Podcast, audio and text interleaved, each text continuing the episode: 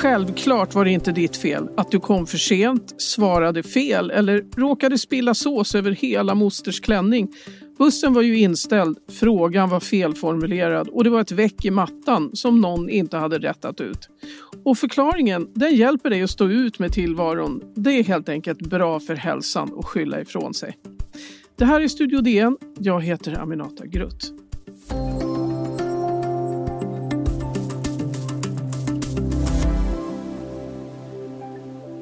Ja, vem vill vara en deprimerad realist när det faktiskt går att stärka självförtroendet genom att skylla ifrån sig lite grann? Alltså hitta anledningar till varför det inte går så bra och må bättre på köpet. Vi ska prata om det här beteendefenomenet med DNs reporter Annika Karlsson. Hej och välkommen till Studio DN. Hej, tack. Um, ja, hemma hos oss så tycker jag att nu under pandemitider här så har alla i familjen dels blivit experter på att skylla ifrån sig och hitta anledningar till varför man inte har gjort olika saker som att tömma sophinken och sådär. Men det går inte så bra för det finns ju väldigt lite att skylla på när alla är hemma. Inga bussar som har kommit för sent och så vidare. Men hur går det för dig? Har, har du skyllt ifrån dig på sistone? Det har jag säkert gjort en massa gånger, men jag tror ofta att det går så snabbt så man inte är medvetet om det. Eller medveten om det, men jag vet bara häromveckan så råkade jag beställa en, från en annons som dök upp i flödet och så visade det sig vara ett bedrägeriföretag. Så det blev, bara, det blev ingen vara, det blev bara en massa bök. Och då kom jag på mig själv med olika ursäkter att ja, men det var ju så stressigt, jag var distraherad. Ja, man vill inte riktigt... Eh, ja, men det, det är lite skönt för självkänslan att man blev inte lurad utan det var något annat som spelade in där helt enkelt. Just det, det var inte jag som var klantig. Nej. Nej.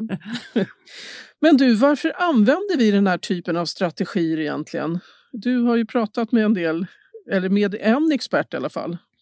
Ja, det är en professor på, vid Stockholms universitet, Torun Lindholm Öjmyr, som har berättat om self-serving bias självtjänande eh, bias på svenska.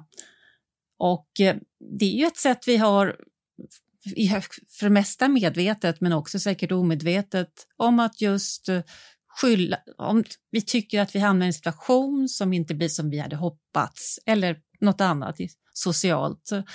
Så istället för att då klanka på oss själva så hittar vi någonting i situationen, i omständigheter eller andra människor att det berodde ju på det, det var inte jag. Men, men är det här odrägligt? Ett odrägligt beteende egentligen, eller?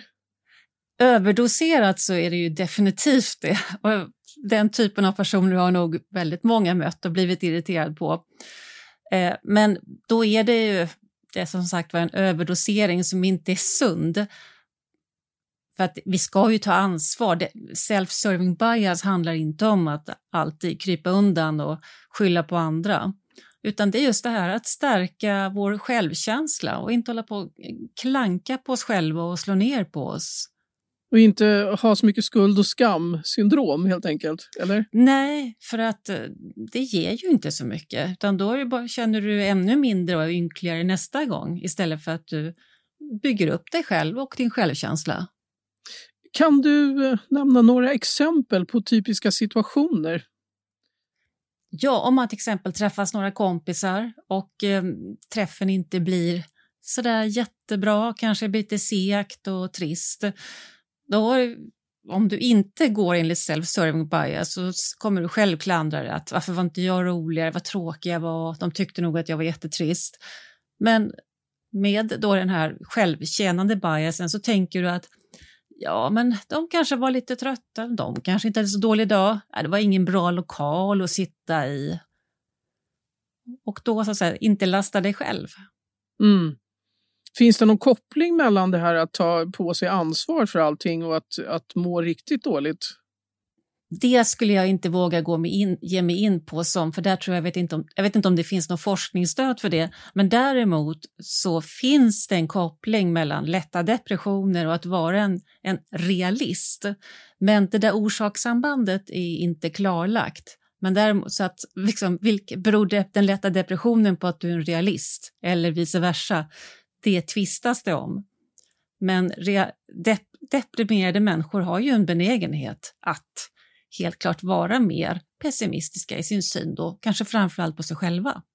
Men eh, hur gör man då? Det är en mognadsfråga också kanske. Vi behöver väl lära oss att vi inte kan skylla allt på andra eller på andra saker. Nej, och det är väl någonting vi lär oss av våra föräldrar och vår omgivning när vi växer upp. Den artikeln som jag har skrivit här nu så pratar jag med en, eh, en förskolerektor som jobbar i Stockholm som har arbetar mycket med det här och har ett etiskt synsätt på det där man då inte försöker skuldbelägga om någon har gjort fel och vill skylla ifrån sig, utan istället, okej, okay, vad handlar det här om? Hur hamnar vi här? Och ta ner laddningen med att göra fel. Det är, liksom, det är okej okay också. Mm, vi ska alldeles strax prata mer om det här med eh, hur man gör för att uppfostra sig själv och andra till att eh, ta ansvar men samtidigt också kanske kunna ha ett sunt förhållande till att eh, säga det här var inte bara mitt fel. Vi är strax tillbaka.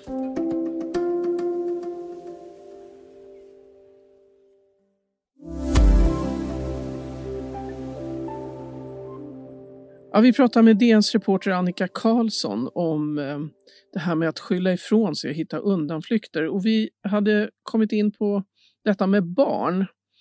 Alltså som förälder så serverar man ju ofta en moralkaka till barn när de skyller ifrån sig. Att så får man inte göra och man pratar om rätt och fel. Och det ja. blir kanske ofta att man, att man gör så att barnen skäms. Är det bra?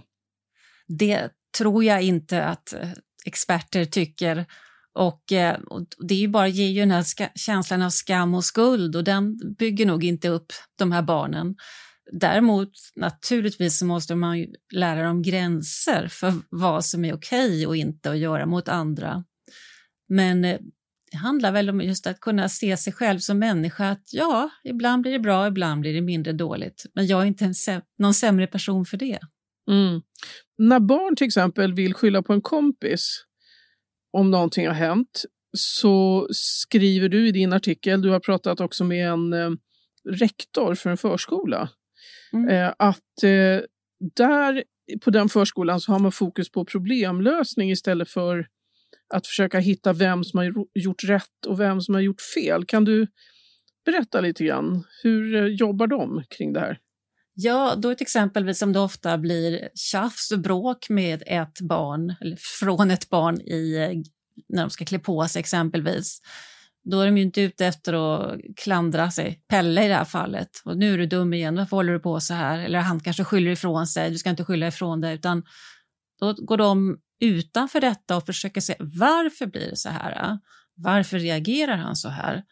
och på så vis undvika de här situationerna och lösa problemet på det sättet. Men det kan alltså vara bra ändå att lära sig att eh, se eh, vad som har hänt, alltså i förhållande till en själv, att det kanske inte är man själv som är problemet. Absolut. Eh, det är ju någonting som den professorn Torun Lindholm Öjmyr som jag intervjuar verkligen förespråkar. Hon säger det till sina studenter också, att eh, gå nu inte ut och var för realistiska i er syn på er själva, utan lite rosenskimmer när man tittar på sig själv, det är bara bra.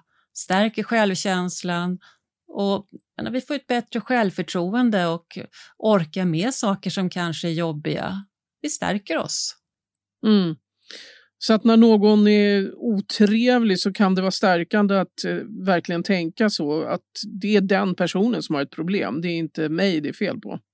Till exempel. Ja, precis. Jo, inte bara gå in på att aha, det är jag som är ditt eller datt, utan den här personen hade en dålig dag, en tråkig typ eller så handlar det om en missförstånd eller vad som helst. Men nej, det var inte mitt problem. Kan man bli mer snäll mot andra om man är snäll mot sig själv på det här sättet också, tror du? Ja, det borde ju kunna vara så. Om man tänker att hur man skulle, om man är mot sina vänner, att om de skulle göra någonting som ja, inte blir bra, då skulle man inte vara där direkt och tänka eller säga att ah, vad klantig du är, hur kunde du göra så dumt? Utan skulle man säga, ja men du, det var ju för att det var det där vädret eller det var dåliga regler eller otydligt. Då stärker mm. man ju även dem och får kanske tillbaka av dem sen också. Så man stärker varandra. Mm.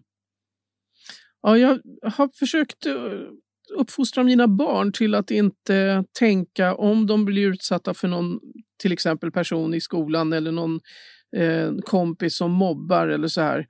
Att man försöker tänka just på det sättet att det är den människan som har ett problem och inte jag själv. Ja, jag tror att det är jättebra för barn i de situationerna och för vuxna också. Att inte då så att säga, slå sig själv och slå ner sig själv in, inombords, utan att den, precis, det är den människan som har någonting som den har problem med. Och det handlar inte om att jag är en person som är värd att behandla på det här sättet eller någonting jag har gjort. Mm. Vad säger du, ska vi fortsätta att skylla ifrån oss helt enkelt? Ja, om vi gör det inom rimliga gränser och att om vi märker att men nu är jag ju onödigt realistiskt hårt elak, elak mot mig själv. Jag kanske ser på den här situationen annorlunda istället. Mm. Ja, vara lite snäll mot sig själv helt enkelt och se sig själv i lite rosenskimmer. Ja, och då gå vidare lite lättare i livet. Mm. Tack så mycket Annika Karlsson för att du var med i podden. Tack. Studio DN görs för Podplay, producent Sabina Marmelakai, exekutiv producent Augustin Erba, ljudtekniker Patrik Miesenberger, teknik Jonas Lindskog, Bauer Media och jag heter Aminata Grutt.